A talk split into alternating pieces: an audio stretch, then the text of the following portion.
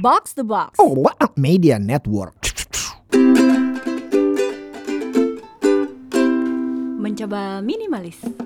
Mencoba minimalis mengurangi yang nggak perlu lebih dari sekedar beberes. Sekarang rilis 4 kali seminggu. Puri di sini. Kalau lo adalah orang yang selalu pengen bertumbuh nih dan banyak penasarannya, pasti ada aja ya. Fase di mana kita pengen belajar dan nguasain hal baru. Bisa untuk hal-hal personal, bisa juga untuk keperluan profesional. Pertanyaannya, apa yang dibutuhin supaya hal yang kita pelajarin ini bisa cepat berubah jadi kemampuan atau jadi skill? Ada formula yang diulas sama McKinsey Consulting Firm. Namanya Formula 333. Angka 3 yang pertama adalah three goals. Ketika kita lagi seru belajar hal baru, kecenderungannya ini langsung pasang target kebanyakan.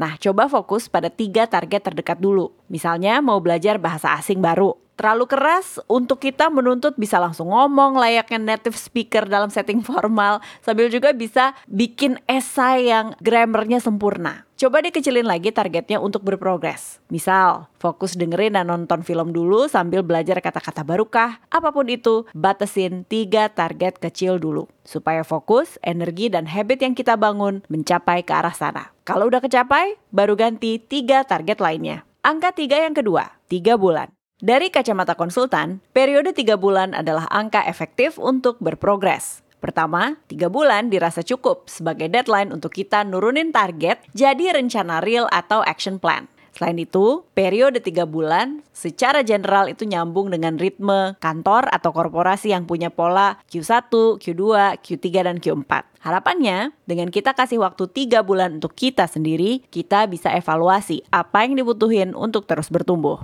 Tiga yang terakhir adalah tiga orang. Siapa tiga orang yang paling berpengaruh untuk perkembangan kita? Kadang ketika kita belajar hal baru, tendensinya nih adalah kalau nggak disimpan sendiri, jadinya malah banyak posting atau tanda kutip koar-koar di sosial media. Nah seringnya dua pendekatan tadi itu nggak terlalu bikin kita kepecut untuk berprogres. Kalau cuma sendirian misalnya, ini jadinya nggak ada partner yang bisa diajak diskusi atau jadi tukang pecut lah kalau kita lagi males. Sementara kalau terlalu banyak sharing atau koar-koar ke sosial media, walau rencana awalnya adalah biar accountable, seringnya secara mental kita ngerasa udah mencapai sesuatu, padahal belum. Kuncinya adalah siapa tiga orang yang bisa kita libatin dalam pencapaian target dan pembentukan kebiasaan. Selamat nambah skill baru. Link detail dari McKinsey akan gue taruh nih di deskripsi episode dan hari Kamis akan ada episode mencoba minimalis terbaru bareng sama Avo. Thank you for listening. Puri out. Bye for now.